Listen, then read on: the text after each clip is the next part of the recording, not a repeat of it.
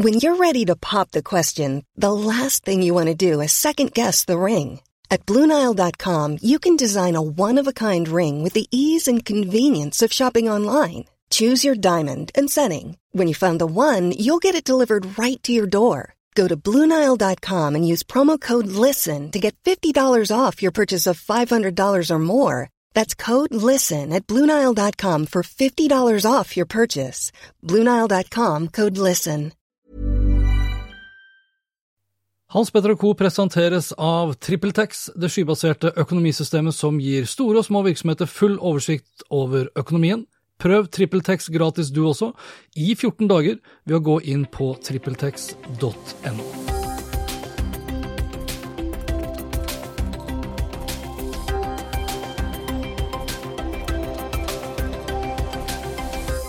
Hvis du googler Isabel Ringnes, er det stor sannsynlighet for at følgende to ord dukker opp i resultatet. Feminist og teknologigründer. Og det er kanskje ikke så rart, for Isabel er gründer av Tenk, tech-nettverket for kvinner. Og hun er medgründer i selskapet Hun spanderer, og medforfatter av boken Hvem spanderer. Isabel har en master fra The New School i New York i media management, og vant i 2016 et stipend til Singularity University, som er en innovativ tenketank på NASA Research Center i Silicon Valley, hvor hun i dag er blitt fakultet på mangfold. Isabel Ringnes er, som meg, en teknologinerd, og stolt som sådan av å være det. Men enda viktigere, hun er en kvinnelig nerd, og dem har vi ikke så mange av. Hun er faktisk den eneste kvinnen jeg vet om som flyr droner, og som blir brukt som teknologiinfluenser av selskaper som bl.a. Google.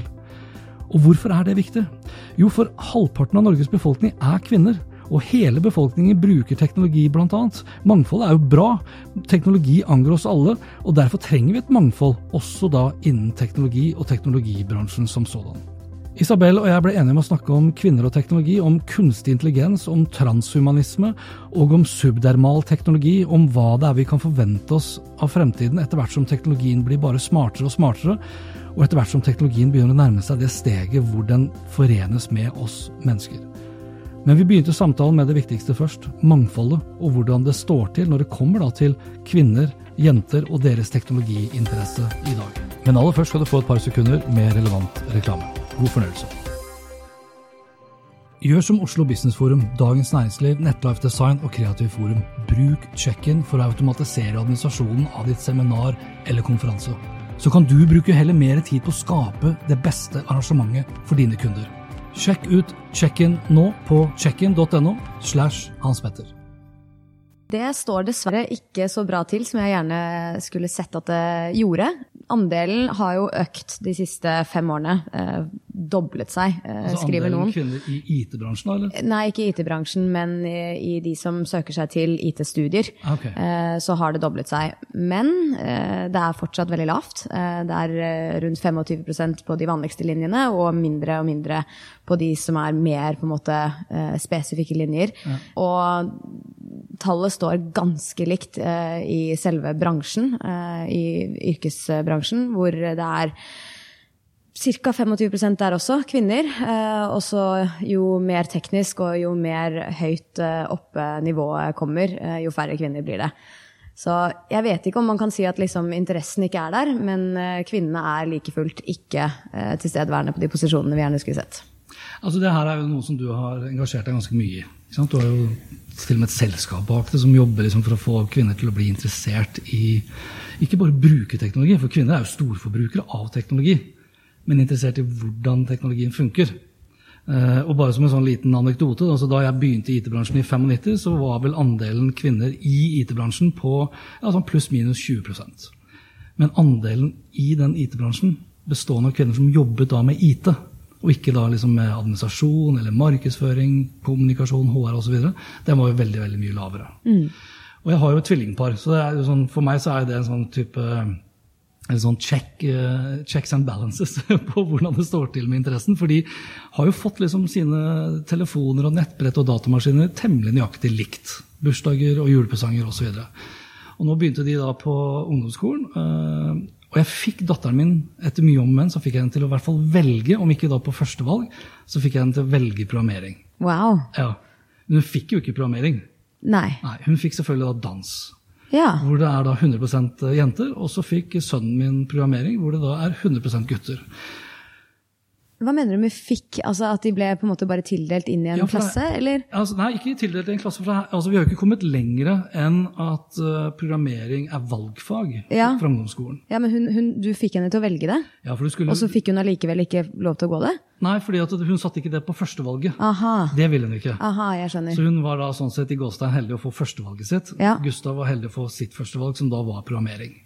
Det er jo dessverre det vi står i, og vi ser jo det på de teknologileirene som vi har. Eh, Tenk har jo noe som heter Tenk Tech Camp hvert år, og vi har Girl Tech Fest. Og jeg skulle jo veldig gjerne fortalt deg her nå at disse jentene er supergira på teknologi og lener seg inn og gleder seg til å ta tak i all programmeringen som står dem i vente. Men sånn er det jo dessverre ikke. Eh, De liksom er litt apatiske til det, har ikke helt skjønt hvorfor det er viktig. eh, Og de har jo egentlig ikke vært eksponert for det på samme måte som veldig mange unge gutter har. Og da er det på en måte viktig å dra inn historien i dette her også. Det er jo noe med at vi har jo et samfunn som er rigget opp mot at kvinner egentlig ikke skal velge teknologi, eller kanskje riktigere er det å si at menn skal velge teknologi. Eh, før 1984, før dataen ble liksom en del av alle husholdninger, så var faktisk eh, programmering et kvinneyrke. Eh, kvinner ble, som mange sikkert har sett i Hidden Figures, kalt for computers. Eh, men ja, ikke sant? Det er jo, ikke sant? Og da, Man kunne sikkert eh, stusset ved det på det, på det tidspunktet, men de fikk jo ikke, eh, og som man da også har sett i senere tid, de fikk ikke tilsvarende anerkjennelse for en del av de innovasjonene som de sto bak eh, på den tiden. Men, men altså, hvis jeg bare avbryter, var de programmerere, eller var det det at de bare plotta inn i disse hullkortene? Nei, men de, altså, de regna på det, liksom. Altså, det var de som sto for de regnestykkene som gjorde at eh, liksom, vi kom oss til månen. Og Ja, de sto for en helt enorm utvikling som i dag er ganske ukjent. Eh, anbefaler alle å se Hidden Figures. Eh, som handler om de veldig mange fargede kvinnene som eh, sto bak den operasjonen. Eh, men uansett, når da, da, da denne datamaskinen ble eh, reklamert til eh, på en måte Gud og hvermann, mann, så ble den fremstilt på en veldig kjønnsstereotypisk måte mot gutta. Det var eh, markedsført som en eh, et spillkonsoll, og spillene var veldig sci-fi, veldig guttete i så forstand. Eh, og det ja, tiltrakk seg unge gutter, og de fikk jo den eh, dataen på rommet sitt, og de fikk lov til å spille, og de fikk lov til å bygge sine egne spill. Og når da denne generasjonen kom til college mange år senere, så var gutta bedre i datamaskiner enn det kvinner var, eller jentene var. Eh, og da falt de veldig fort fra, fordi at de manglet litt av den erfaringen det første året, og ikke opplevde det som spesielt inkluderende å komme til et klasserom hvor de fra dag én ble på en måte sett ned på av både sine mannlige eh, studenter og av professorene. Men hva, hva er mål? Altså, du, du var inne på Tenk. Hva er, hva er liksom målet ditt med Tenk? Er det, er det mangfoldet? Er det liksom denne 50-50-fordelingen som skal bidra til at eh, kvinner i større grad velger teknologi, kvinner i større grad kanskje blir teknologigründere? Eh, Kvinner i større grad kanskje påvirker og bidrar til at eh, alt fra nettsider til nettbutikker, f.eks., som vi vet det er i stor grad kvinner som handler på, men som blir utviklet av mannfolk uten estetisk sans. Er det liksom et sånn stort overordna mål, et fotavtrykk du er på jakt etter? Ja, det er vanskelig å på en måte kvantifisere akkurat hva tallet skal være, for det vil jo variere fra industri til industri. og Det, er liksom, det blir dumt å si at jeg gir meg ikke før 50-50. ja. men det handler om nettopp det du sier, at eh, man ser at flere perspektiver, kvinner, eh, altså generelt mer mangfold, er inkludert i det som utvikles, og at man ser det speilet gjennom hele samfunnet. At ikke alle maktposisjoner eh, er eh, besatt av menn. Eh, at produktene som kommer ut i markedet, faktisk eh, tar hånd om en del problemer som sikkert ikke på en måte er blitt sett eh, i alt det som er kommet av innovasjon i dag, men fordi at det er menn som ser sine egne problemer og har lyst til å løse for de, eh, men som da forhåpentligvis vil forandre seg når man da får flere kvinner inn på både gründersiden, men også teknologisiden. Og ikke bare kvin eh, kvinner, men altså mennesker med funksjonsnedsettelse og ikke minst, veldig viktig, forskjellige etniske minoriteter. Ja, At det skal representere egentlig det at det skal er representere. Og det er jo på en måte veldig tydelig gjennom f.eks. bildegjenkjennelsesteknologi i dag. Det er jo mange som snakker om det globalt, hvor man ser at det som er brukt som sånn treningsdata da, for å lære opp disse algoritmene er veldig biased. Et studie fra MIT viser at det er eh, 70 eh, menn og 80 hvite mennesker blant den treningsdataen som er lært opp for å kjenne de aller mest eh, vanlige algoritmene som er brukt av, liksom Google og Facebook og Apple osv. Og, eh, og at de klarer å kjenne igjen en mann, en hvit mann med 99% sannsynlighet, men hvis det gjelder en mørk eh, kvinne, så er eh, sannsynligheten for at de kjenner igjen 65% ja. Og dette er kjempefarlig eh, i forhold til så mange forskjellige typer arenaer. Men ett eksempel som jeg ofte drar frem, er eh, noe som alle kan relatere seg til, og det er jo selvkjørende biler.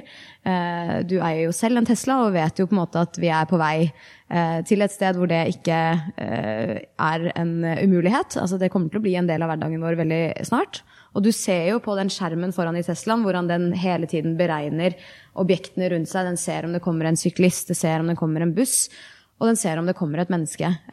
Men om den da skulle ikke klare å kjenne igjen en mørk kvinne, eh, versus en hvit mann. Altså hva slags type avgjørelse vil den bilen ta i, et, i en hypotetisk situasjon hvor den må ta livet av en av de, da. Altså, satt helt på spissen. Så vil den jo selvfølgelig velge eh, dessverre å redde den mannen som den 99% er sikker på at er et menneske. Versus en kvinne da, som eh, den kanskje til og med tror er en gorilla. Dette er jo forferdelig å si, men eh, Google Photos de lagde jo en helt forferdelig eh, tabbe i 2015 da de klarte å kategorisere en mørk person på sin eh, app som en gorilla. Eh, og ryktene har det at de klarte faktisk ikke å rette opp i denne feilen ved å endre på algoritmene sine. Det var altså så innebygd i systemene at de måtte bare fjerne markelappen gorilla. Mm. Eh, og det er liksom Det er ganske vanvittige ting eh, å kjenne på at en av de største teknologiselskapene i hele verden med mer data enn noen av oss i det hele tatt kan forestille oss, eh, anser et menneske som en gorilla. Uten sammenheng for øvrig, men nå blir vel også Google beskyldt for å nærmest uh være veldig partisk når det kommer til venstre versus høyresiden av amerikansk politikk. Ja, det er jo flere selskaper som er det. Eh, ja, ikke sant? Og det er jo like farlig, det også. Ja, det er jo det. ja på, på, en måte så er det jo det. Eh, så kan man jo si at det har jo vært en del motkrefter eh, som kanskje ikke har vært helt lovlig, som har hjulpet, eller hjulpet dratt samfunnet i den andre retningen allikevel, da, ja. Eh, på disse plattformene. ja, det er, ikke, altså jeg sier, det er, det er jo farlig åkke som mm. når teknologien blir partisk, eller by, som du sier. Ja. Og det er vel kanskje også noe av farene med kunstig intelligens, at vi da overlater våre egne beslutninger til noen andre. Også en algoritme, maskinlæring, kall det hva du vil. Ja. Eller da til Tesla, da. Ja. For eksempel. Ja. Men du, jeg har lyst til å gå litt til, tilbake i tid, og kanskje litt eh, også inn på, på deg. For du har jo ikke alltid vært en teknologi entusiast, evangelist, nerd? Altså, når er det du liksom begynte å brenne for teknologien, og hvorfor? Altså, hva fikk deg til å altså, gå det sporet? Eh, jeg har alltid syntes at teknologi eh, helt fra Jeg tror kanskje den, den første gangen jeg syntes det var veldig gøy, var når internett kom og man kunne skrive særoppgaver uten å dra til biblioteket og slå opp i leksikon og bruke en hel masse tid på det. Ja. Det er nok fordi at jeg er grunnleggende utålmodig eh, og elsker effektivitet. Og på en måte syns at det å få mange forskjellige innfallsvinkler til informasjon er spennende. Og det var jo det internett ga oss. Eh, nå husker jeg ikke akkurat hvilket årstall det var vi fikk data, men det var sikkert 94 eller 95. Ja, 95 fikk i hvert fall en grafisk eh, grensesnitt til internett. og sånn ja, browser. Ikke sant? Og det var, liksom, det var, vel da Google og sånt nå begynte å komme inn i banen, og man begynte å liksom se at man kunne søke på ting. og altså Ting ble litt mer systematisert. Faktisk litt senere. Men vi hadde hva det vi hadde for noe? Vi hadde Kvasir. Lykos, Kvasir, eller Kvasir, eller kall det hva du vil. Ja. Vi hadde flere andre søkemotorer. Yahoo, var det for uh... eh, Yahoo var jo en slags søkemotor som ja. manuelt indekserte, i hvert fall prøvde å indeksere nettet. Ja, men vi kan Alta vel... Vista for eksempel, var vel den aller største søkemotoren godt inn mot slutten av uh, eh, 1900-tallet. Ja, Det er så deilig med deg, du kan jo hele internetts historie. uh, nei, men det, jo, nei, men så, så jeg tror når jeg på en måte oppdaget at det faktisk var teknologi som jeg syntes var veldig spennende, var var eh, når jeg flyttet til New York og begynte å ta en master i media management, var forberedt på at dette skulle være veldig medierettet eh, og tradisjonelt i så forstand. Forsto veldig raskt at eh, undertonen i alt det vi lærte, var hvordan kommer teknologiselskapene til å påvirke vår fremtid, og hvordan skal vi lede i den fremtiden, og hva er på en måte medias rolle i det eh, teknologiske revolusjonen som vi går gjennom akkurat nå. Hvordan skal vi overleve? Eh, og etter hvert som jeg på en måte ble fanget inn i det, så så jeg jo liksom parallellene til alle andre industrier, og hvordan teknologi påvirker alle de industriene også. Og syntes jo det var helt fascinerende. Mm. Eh, og var jo egentlig som alle andre som blir fascinert av noe, bare prøvde å lære så mye som mulig og dra på så mye events og konferanser og skrive og lese og lære egentlig så mye som mulig om det. Og da, når man først har gjort det innenfor teknologiens verden, du vet jo det selv som eh, teknologifan, det er jo helt vanvittig spennende. Jeg, å, jeg kan ikke se for meg noe annet som er mer spennende enn teknologi, for det er jo it's creating the unimaginable. Uh, it's creating the future. Altså, it's creating everything that we didn't think was possible. Altså, det er, det er virkelig magi, da, for, uh, for mange. Uh, det er på en måte magi som, som har en, ja, en logisk uh, bakgrunn. Er, altså, utover det å være teknologientusiast, mildt sagt, mm. så er du også feminist. Det er jeg. Det håper jeg du også er. Jeg er det. Ja, det er veldig bra. Altså, alle smarte mennesker i dag er jo feminister. Men, jo, men, altså, men, det er veldig mange som kvier seg for å si at de er det. Mm. Det er det, altså. Jeg har akkurat sett på denne serien til Ulike, ulike Falk også, F-ordet. Ja. Mm. Uh, og der, altså, Når man ser der hvor lett også de blir påvirket da, de, de kunne liksom ikke identifisere seg som en uh, feminist fordi de ikke likte ulike folk. Og så kommer Kristine Ullebø uh, avslutningsvis i den serien, og plutselig så kan de si at de er feminister. Mm. Har vi ikke kommet lenger enn at folk ikke engang liksom kan ta eierskap til feministordet? Eh, åpenbart ikke, da. Ja. Um, men det er jo, alt går jo an å endres. Altså, det er jo på en måte grunntonen i Hun spanderer også. At sånn, ja, vi står her vi står, og det går sakte. Ja. Men hvis man alle skal si at nei, men sånn er det, og sånn har det alltid vært.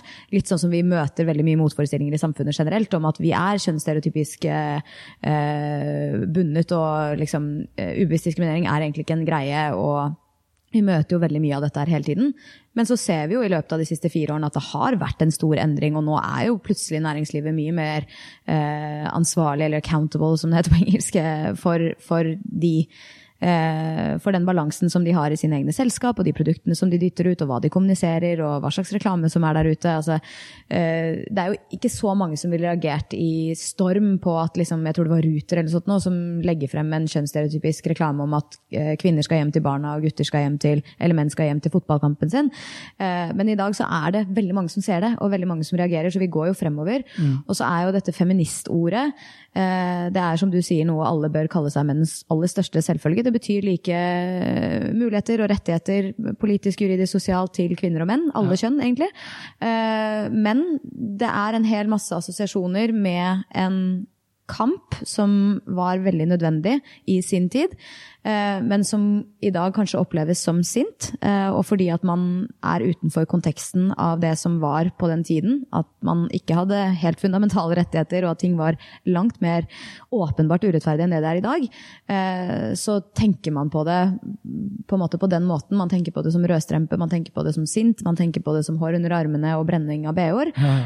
Uten at det egentlig liksom, kanskje var det som egentlig definerte feministene på sin tid, men det er det som på en måte allikevel hører igjen.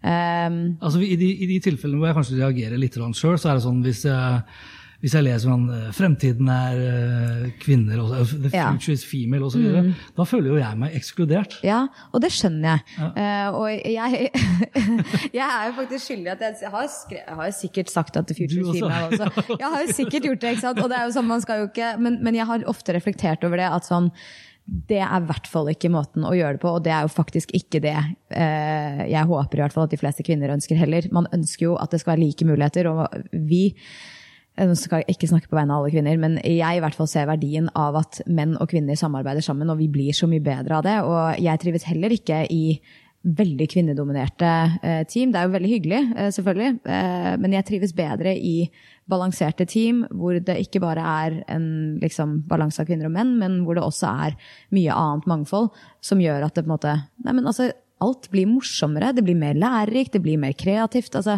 jeg tror alle som har jobbet i eh, internasjonale team hvor det er mangfold fra overalt, har sett både at det kan være friksjon, mm. eh, og at det kan være utfordrende til tider, men at resultatet ofte blir innmari mye bedre. Ja. Og det er litt sånn, og der må jeg faktisk ta litt sånn uh, skam, eller kalle det hva du vil. Litt sånn selvkritikk, i hvert fall. For da jeg jobbet i Cisco som et veldig multiinternasjonalt selskap, så var det jo sånn at jeg, jeg, kunne jo, jeg tok det som en selvfølge at uh, de internasjonale møtene og de internasjonale personene som jeg jobbet med, hvilken hudfarge de hadde, hva de het, hvilken religion, hvor de kom fra osv., hadde ingen betydning. For det var bare en del av hverdagen i det multinasjonale selskapet. Mm. Men det var noe helt annet. Jeg forholdt meg ganske annerledes til eh, det multikulturelle på eget kontor. Ja, hvordan da? Mener ja, at... at... jeg kunne liksom være mer, sånn, mer negativ eller kritisk til liksom det samme type mangfoldsjaget på eget kontor når jeg satt i Cisco i Norge. Ja. Men når jeg kom internasjonalt, så var, liksom ikke, så var, det null reaksjoner. Ja.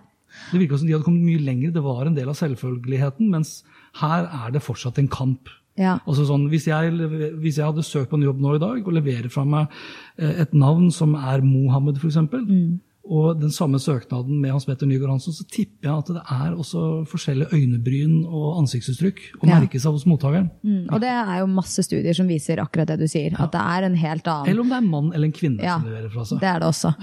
Så mannen er på en måte gullstandarden, og så er det verre egentlig jo flere mangfoldsdimensjoner du, du har eh, på deg. Eh, men det er, jo, det er, jo, sånn som du påpeker med det at liksom du opplevde det mindre sånn i utlandet enn det du gjorde i Norge. Og det er jo liksom det klassiske psykologiske eh, fenomenet in group, out group eh, bias. At du foretrekker jo ubevisst de du ser deg selv i, og de du kjenner deg igjen i, og de du har lik kultur med, og de du har like referanser til. Mm.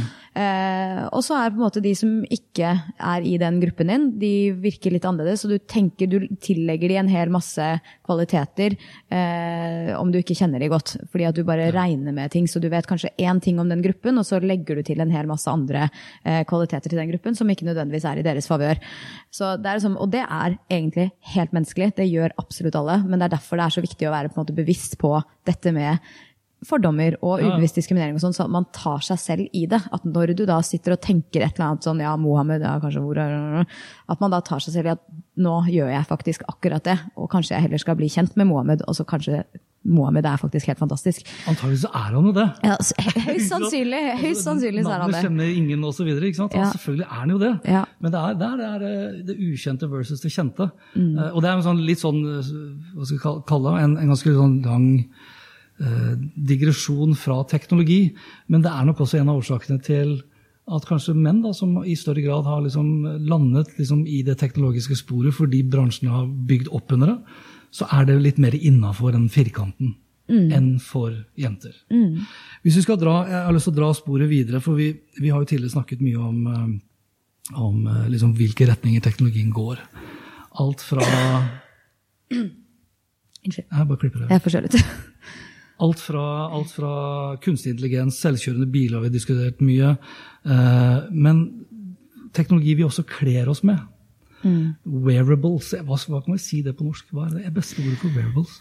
De har jo alltid med sånne teite norske ord på, på, på, det som blir sagt. Jeg vet ikke hva de har funnet på, på Men wearables. Altså sånn, uh, øreplugger Skal vi finne på et ord? Uh, Altså, jeg, jeg, tror ikke vi skal gjøre det, for Språkrådet, språkrådet kommer til å sable oss ned uansett. Ja. Men altså, i framtiden så, så, vil vi jo ikke bare kle oss med teknologi vi vil jo antageligvis også få det implantert i kroppen vår. Vi vil bli liksom cyborgs på ordentlig. Mm. Du har jo begynt allerede det steget der. Jeg har begynt å smake på den eh, trenden ja. allerede. En, det er RFID eller NFC? Eh, det er en RFID, RFID, men det er jo NFC lesbart, liksom. Ja. Um, men ja, det er en chip som jeg har i hånden. Jeg satte den i på Biohacker Summit i Stockholm i 2017, mener mm. jeg det var.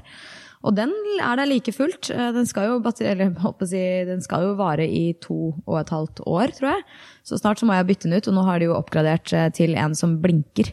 Eh, så når jeg da skanner Nei, ikke hele tida, men når du skanner med telefonen, så blinker den. Men den er jo ganske ubrukelig til nå, i hvert fall her i Norge hvor eh, næringslivet kanskje ikke har tatt inn over seg dette med at man skal kunne betale med noe sånt noe, som ja. man i økende grad gjør i Stockholm. Du kan jo gjøre det bl.a. på SJ, altså togsystemet i Stockholm kan du gjøre det.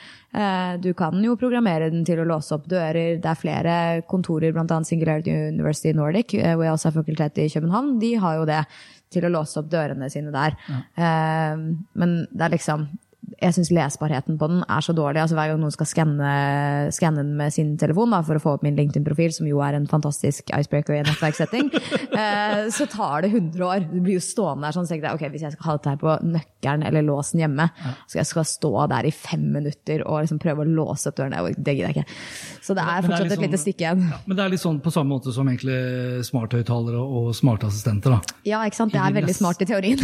ja, og i nesten alle tilfeller altså Jeg kan jo f.eks. snakke til Google Home og be den varme opp uh, bil Teslaen. Mm. Men det er jo mye raskere å bare gå inn på mobilen og bare trykke på varme opp Teslaen. Ja, er ikke det rart? Jo, men, det men, det, men, Elon Musk, da, eh, i og med at vi er inne på Tesla, han er jo veldig på det at man skal slippe eh, noe av dette her, og at det egentlig bare skal eh, Og det bringer oss inn i et helt nytt segment, men at, man, at det, din Tesla skal egentlig bare kunne forutse alt du skal hele tiden. Så den har tilgang til alt av kalender, den har tilgang til på en måte, eh, Ja, den har jo det allerede, men historiebruken din, og hvordan du, ditt bruksmønster i den bilen, slik at den vet hvor du skal, den vet når du skal det. Så det, du slipper å gå inn på mobilen i det hele tatt. Ja, ja. Og nå vil jo det kanskje også bli mulig gjennom en helt annen måte, med den Neuralink da, som han eh, har eh, fundet uh, og gått inn på eiersiden av. Uh, og det skal vi sikkert snakke om senere, men det er jo veldig spennende. Men vi, når vi snakker om da, variables eller teknologi hvor man kler seg med, eller da ikke minst da, den teknologien som vi begynner å få inn i kroppene våre, mm. subdermal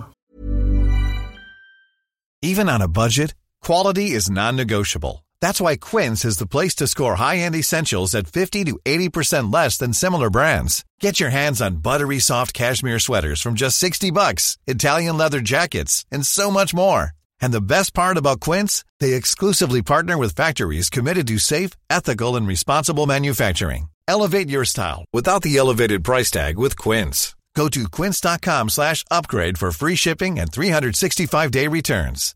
My business used to be weighed down by the complexities of in-person payments. Then, Tap to Pay on iPhone and Stripe came along and changed everything. With Tap to Pay on iPhone and Stripe, I streamlined my payment process effortlessly. Now I can accept in person, contactless payments right from my iPhone. No extra hardware required. What's truly remarkable is how I can cater to all of my customers' payment preferences. Whether they're using cards, Apple Pay, or other digital wallets, Tap to Pay on iPhone and Stripe ensure a smooth checkout experience every time. And it's not just me. Stripe helps businesses of all sizes, from local markets to global retailers, scale quickly and stay agile. To learn how Tap to Pay on iPhone and Stripe can help grow your revenue and reach, visit stripe.com slash tap iPhone. Teknologi, hvis jeg skal si det på norsk. Ja. Det er jo ofte, altså, det er jo ofte skepsis knyttet til liksom det, å putte, altså det å gjøre noe med kroppen med teknologi, men vi har jo egentlig gjort det i ganske mange år. Alt fra pacemakers til at vi gjør kirurgiske inngrep for å fikse en hoft eller et kne etc. Mm. Er det helsesektoren som vi kan regne med liksom mesteparten av teknologiinnovasjonen kanskje vil uh, skje i de første årene, og så kanskje over til Forsvaret? Hvilke retninger ja. tror du det vil ta? Jeg tror absolutt uh, helsesektoren vil være den som er driveren. Og det er litt fordi at det, er, det går fra på en måte nice to have, som er du og jeg som bruker noe sånt noe i hånden for å måte, åpne opp en dør, versus need to have, hvor en sånn type teknologi som er subdermal eller i kroppen et annet sted ja, sånn sånn ja, ikke ja, ikke sant? Det er jo er very nice to have, but not a need to have. Liksom. Det redder ingen liv. Uh, la oss bare være klar på det.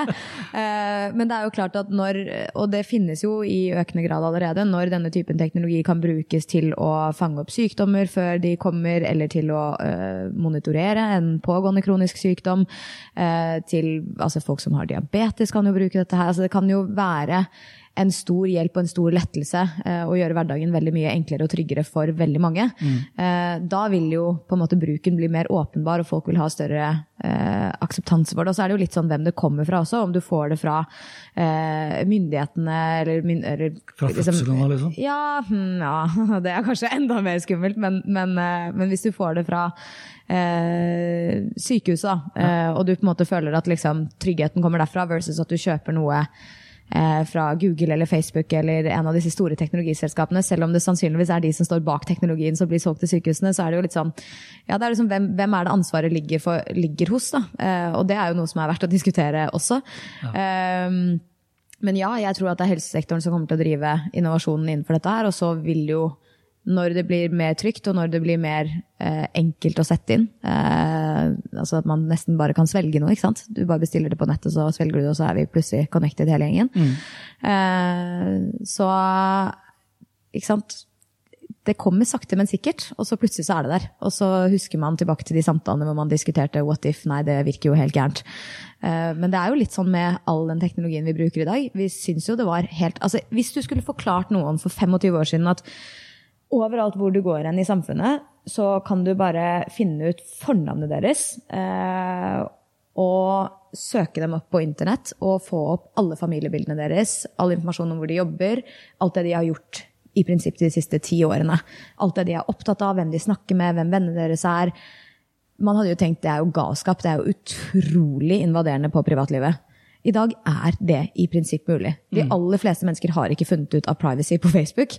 Eh, og selv da så er det faktisk ganske lett å dele den informasjonen videre, selv om du ikke har forstått privacy eller sikkerhetsinnstillingene på Facebook. Men sånn er på en måte livet blitt. Det er en del av hverdagen vår, og vi har på en måte akseptert det og flyttet videre. Og det er jo litt det at den der nåla for hva vi syns er greit og ikke greit, den flyttes jo sakte, men sikkert. Ja, ja. Og Så, så lenge vi ja. føler at vi får noe igjen for det, en liten sånn benefit. Ja, jeg føler jo det. Altså, jeg, jeg, jeg jo altså sånn, Jeg ser kritikken Facebook får, og den er definitivt på sin plass. Men samtidig så må man jo ikke glemme De har jo fått til utrolig mye spennende i verden også. Vi har jo blitt koblet til hverandre på en helt annen måte enn det vi var tidligere. Vi har jo blitt et mer globalt sammensatt eh, Ja. befolkning. Er du ikke enig? Jo, altså vi har jo blitt tilkoblet, så, er jo liksom, så, så har jo det vært et sånt eh, et, eh, et forsøk da, på at liksom bare vi kobler mennesker sammen, så blir samfunnet bedre. Det er jeg litt usikker på. Så vi fikk muligheten til å koble oss eh, sammen, og så glemte man kanskje de kulturelle forskjellene. Eh, Man glemte at det skrev altså Det er helt annerledes å sitte og prate med deg. Jeg kan tillate meg å si mye mer når jeg snakker med deg, fordi at 70% av kommunikasjonen er eh, ikke-verbal osv. Så, videre. så når du da glemmer liksom de 70 da, som ikke kommer frem på Facebook, og du, du, du, du, glemmer, du glemmer det kulturelle, du glemmer eh, det etiske og det moralske, som også er forskjellige kodekser liksom, eh, rundt omkring i verden. Hvilket egentlig får meg inn da på neste spor, eh, som er da transhumanisme og eh, kunstig intelligens. Det går bra. Ja. For det er da, det er da jeg egentlig syns det kanskje begynner å bli litt, eh, litt skummelt. Altså, for da kan, man, da kan man også begynne å snakke om forskjellsbehandling. Man snakker jo, altså I lille Norge for eksempel, så snakker man jo om at uh, de mindre byene og distriktene blir kanskje annenrangs uh, etter hvert som 5G begynner å rulle ut. Fordi 5G kommer til å akselerere liksom, utvikling av nye tjenester osv. Men uh, mobilaktørene kommer til å basere seg kanskje mest av alt, og i hvert fall først og fremst, på de store byene. Og da får du annenrangs. Og 5G legger jo til rette for ekstremt mye av liksom da, de tjenestene som vi kommer til å ta for gitt. Blant annet så tror jeg for så vidt også at 5G kommer til å akselerere urbaniseringen i tillegg. Som en konsekvens. Men sånn til, til det du sa da om Facebook. For jeg tror, jeg, Facebook har gjort mye bra, men jeg tror de har også gjort ekstremt mye dritt. Og så kan man si at eh, hadde de noen andre å se opp til eh, i utviklingen? Nei. For vi har aldri vært der hvor liksom, milliarder av mennesker kan koble sammen, uavhengig av tid og sted og rom og enheter osv. Men hvis vi da tar liksom, subdermal teknologi og transhumanisme som, og her må jeg da lese hva, det, eh, det, hva definisjonen er, moderne ideologi som hevdes å være en arvtaker av humanismen og futurismen. At man da skal påskynde evolusjonens gang, og det radikalt. Da, da begynner man jo å kanskje da bruke teknologi for at du og jeg skal få et fortrinn mot andre, f.eks. Og da kan det jo plutselig bli aktuelt da, at du, dine barn blir liksom da implantert med teknologi nærmest fra fødselen av, fordi det har kommet opp eh, fra Kina eller fra USA eller hvor pokker det måtte være. Teknologi som gjør at hjernen blir 30% mer effektiv. Du sa jo da at du elsker ting som gjør deg mer effektiv. Ja. Vil det da være for the greater good globalt å koble det da opp imot kunstig intelligens igjen, hvor du som er velstående, du vil få tilgang ikke bare til teknologien, men de beste algoritmene, de beste tjenestene. Ikke sant? Da snakker man om etikk og moral. Ja, og det er jeg helt enig i. Og det er jo sånn, du har jo helt rett i det at eh, det er utrolig enorme konsekvenser av det. Verden er jo i dag allerede veldig skjevt fordelt eh, i, i forhold til ressurser. Eh, og er jo det i økende grad, hvis man fjerner Kina og India. Eh, men, eh, men eh? Igjen så er det dette her at man er jo liksom Og det er jo veldig menneskelig, men man sitter jo sånn og tenker sånn Å, gud, det hadde vært så utrolig spennende å kunne gjøre alle disse tingene. Eh, jeg tror jo Uh, uten at jeg har svaret på det, og takk Gud for det. Og det kommer sikkert til å være mange komiteer som går gjennom hva reglementet rundt dette her skal være, og de må sette ræva i gir. fordi er det én ting vi har sett av bl.a. Facebook, som du påpekte, så er det at politikere og reglementer klarer ikke å oppdatere seg raskt nok for å være i forkant av teknologien, eller i hvert fall i samme takt som teknologien. Eh, og risikoen er jo da at de kommer for sent, og at måte, verden ser helt gal ut om, eh, om 20 år.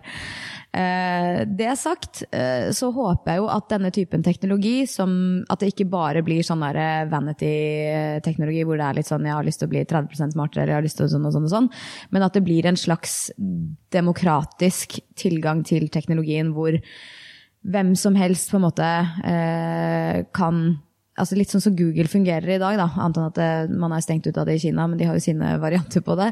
Men at hvem som helst kan bruke det, og at alle har samme type tilgang til det. Ja. Eh, og at det kanskje er at eh, det begynner med at alle kan snakke med hverandre. At du har en eh, real time translation uh, i øret ditt. At uh, man på en måte mister språkbarrierer.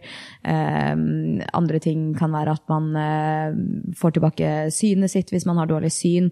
at man hører bedre hvis man ikke altså sånn at denne typen teknologi blir mer demokratisert før det blir eh, tilgjengelig for bare de rike. Og så er jo Elon Musk og sånt nå sine eh, resonnementer rundt dette her, at de, de er avhengig av å selge til de rike først, slik at de får nok funding til at de skal kunne på en måte skape det billig nok til alle. Det er jo på en måte hele resonnementet rundt uh, hvordan han har bygget opp Tesla. Ja. Uh, hvor han lagde noen luksusbiler først, og så kom Model 3 som skulle være for alle. Og så vil det på en måte bare forhåpentligvis da bli billigere og billigere og billigere.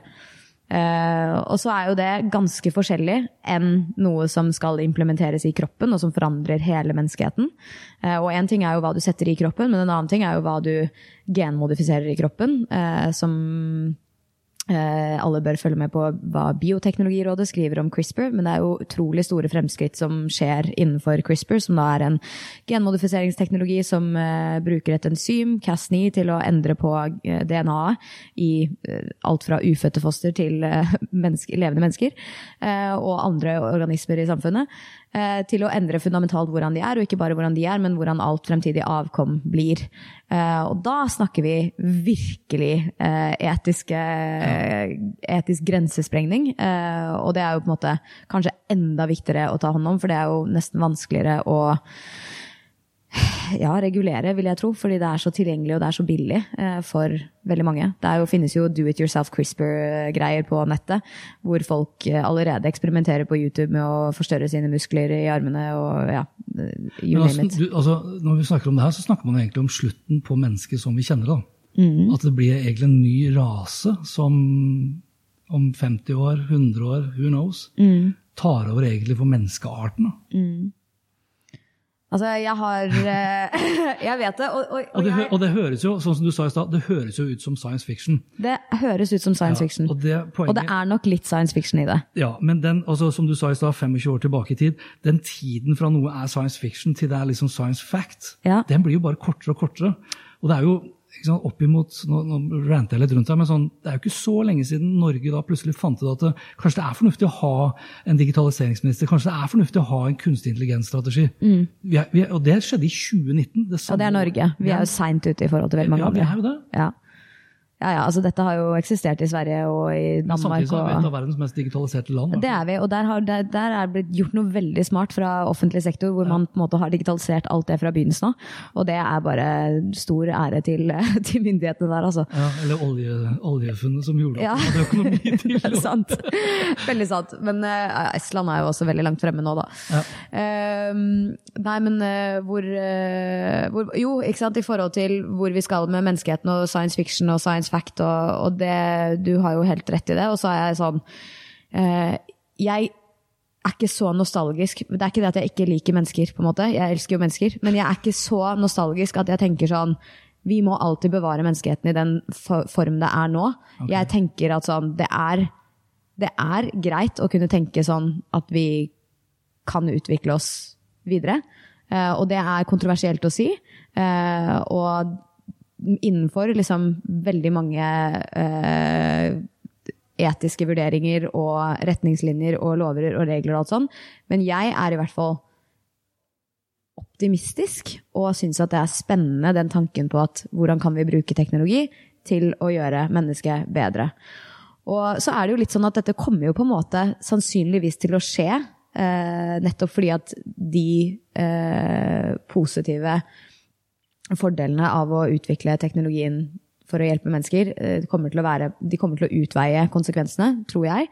Ehm, så det er litt sånn, vil man sette seg på bakbena, og, eller vil man på en måte lene seg inn og tenke hvordan kan jeg forme dette, denne teknologien til å bli bra?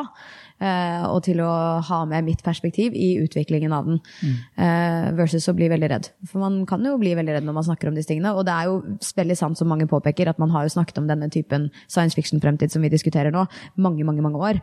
Uh, og den er jo ikke virkelig enda. Eh, men samtidig så er det jo helt andre fundamentale ting som har endret seg i samfunnet som et resultat av teknologi, som man kanskje ikke forutså på den tiden.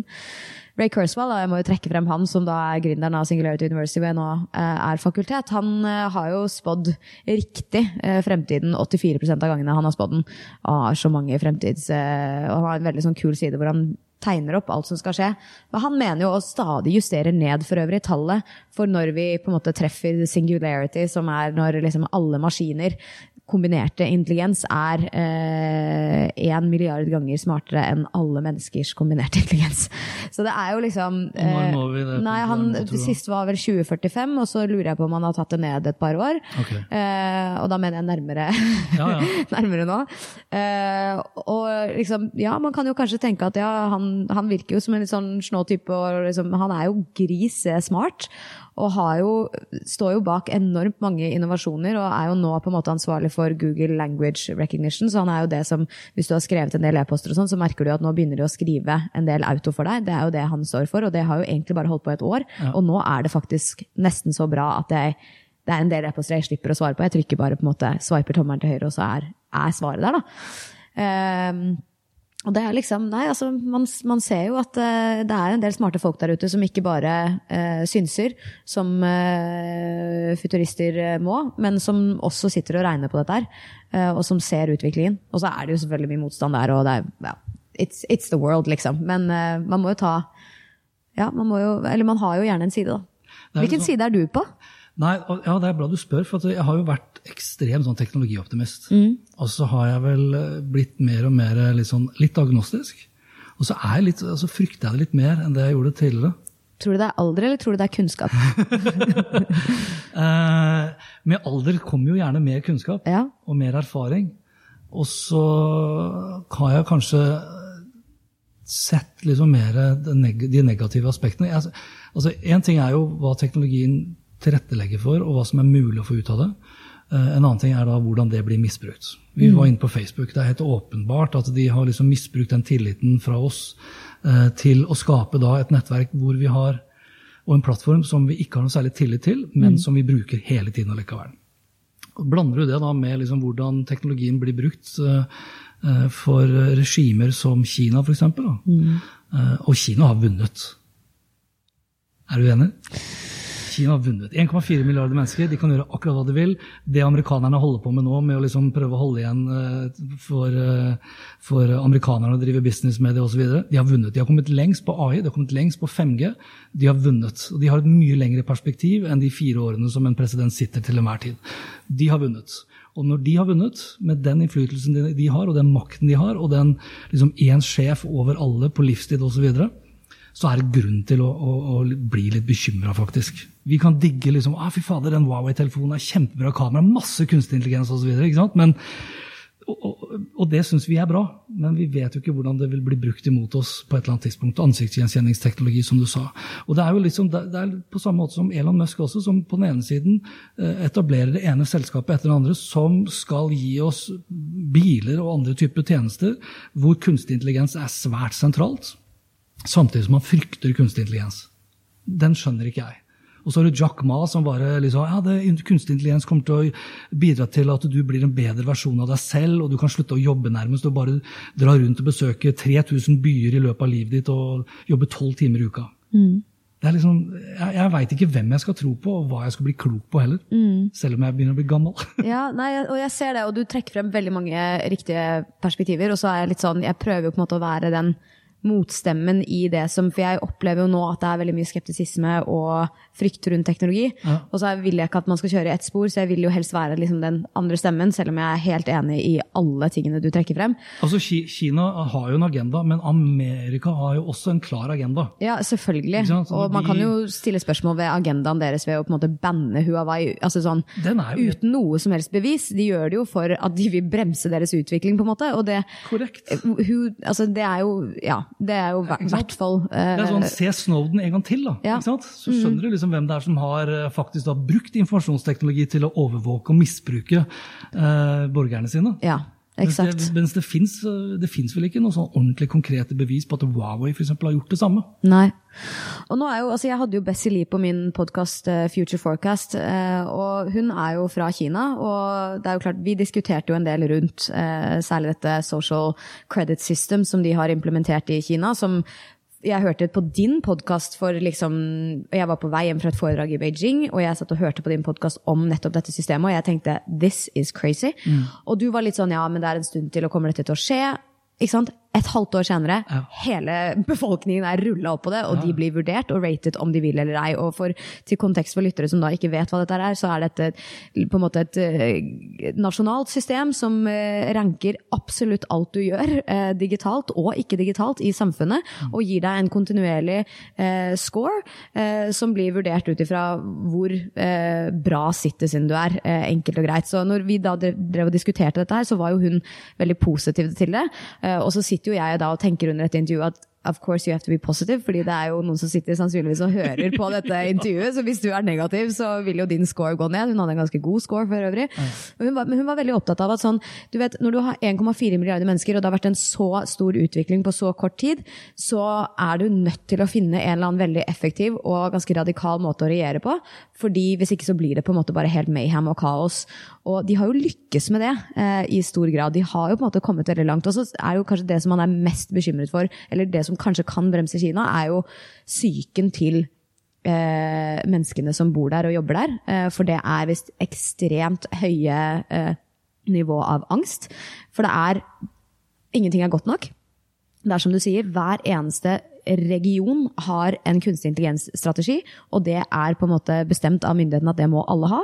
Og det som er bra i dag, er ikke bra i morgen, og du kan aldri hvile, du kan aldri feire. Du skal bare fortere og fortere og fortere. fortere. Så på den måten har jo Kina vunnet, men på et eller annet tidspunkt så kan det jo hende at de kommer til et, poeng, et punkt hvor de er litt sånn vi er ikke lykkelige, liksom. Det er ikke sånn vi vil leve. Det er kanskje ønsketenkning, men uh, who knows. Men uh, uansett så er jo det ja, altså, det er litt som hun sa, at it's the known unknown, og det er ikke sikkert at dette systemet kommer til å vare for alltid, men at det er nødvendig for å på en måte få i gang Kina som et ordentlig Ja, for, å, for å bli den neste supermakten. da. Ja. For det er jo en, det er en posisjon du har på låntid. Ja. Amerika har hatt en ganske lang tid. Det er i- passe ironisk egentlig også at eh, Amerika, som tross alt har funnet opp veldig mye av den teknologien vi i dag tar for gitt, Mm. de har jo kommet ekstremt kort sjøl i å ta den i bruk. Mm. Igjen, liksom Norge har jo vært eh, ganske langt fremme der. Men um, hvis du skulle kommet da med en spådom, la oss si at vi treffes igjen om fem år, da. Mm. Det er ikke så lenge til. Nei, jeg håper vi treffes før det. Men til den diskusjonen her, liksom. Ja. Tror du da tror du, hvor, hvor, altså hvem, hvem, er liksom, hvem er regjerende makthaver når det kommer til hvordan teknologien utformes og tas i bruk? da? Er det amerikanerne som har klart å holde tilbake, eller ser vi liksom mer av det diktaturiske kinesiske social credit score-systemet? Jeg tror, eh, og jeg vet ikke om jeg skal si dessverre, fordi man vet jo ikke hvordan det utarter seg enda. Men jeg tror jo at eh, innenfor fem år i hvert fall, så vil jo altså Jeg syns jo EU for øvrig gjør en ganske god jobb med å kontrollere hvordan ting her, skjer her i Europa. Så jeg tror vi vil være ganske skjermet fra de systemene enn så lenge. Eh, USA og Kina vil nok fortsette sin krig, og det kommer veldig an på hvem som blir neste regjerende president. Som ja, etter all eh, historisk eh, statistikk blir Trump igjen. Eh, men vi får se, da, hvis vi får inn noen helt andre, om de klarer å drive samfunnet i en annen retning, eller USA i en annen retning. Men jeg frykter nok. Nei, det blir feil å si frykter, for man vet jo ikke.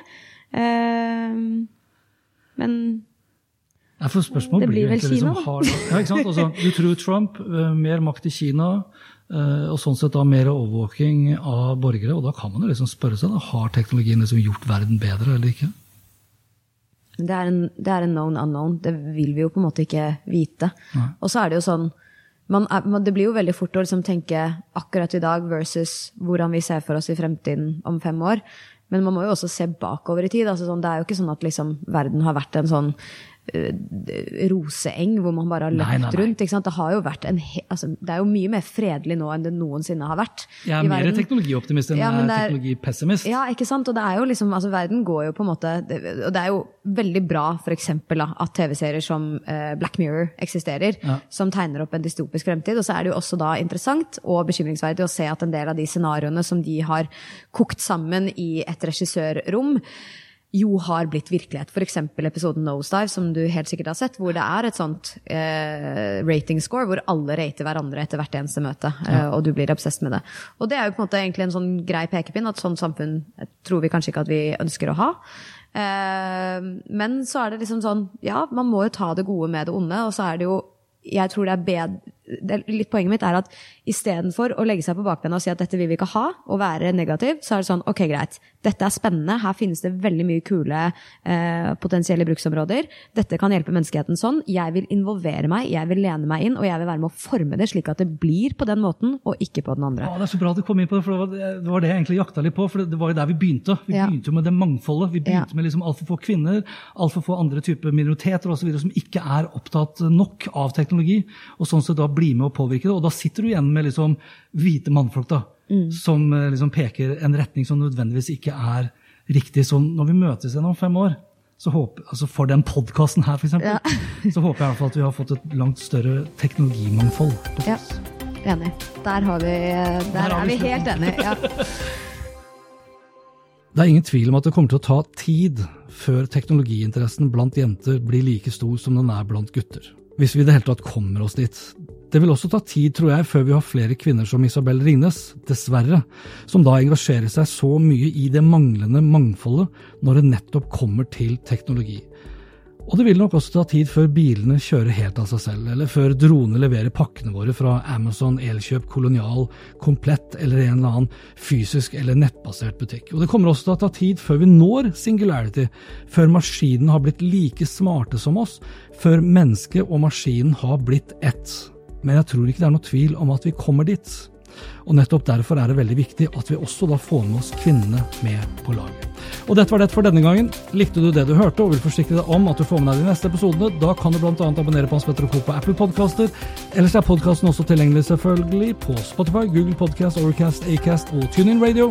Inntil neste gang, vær nysgjerrig for det er den beste måten å møte vår digitale fremtid på.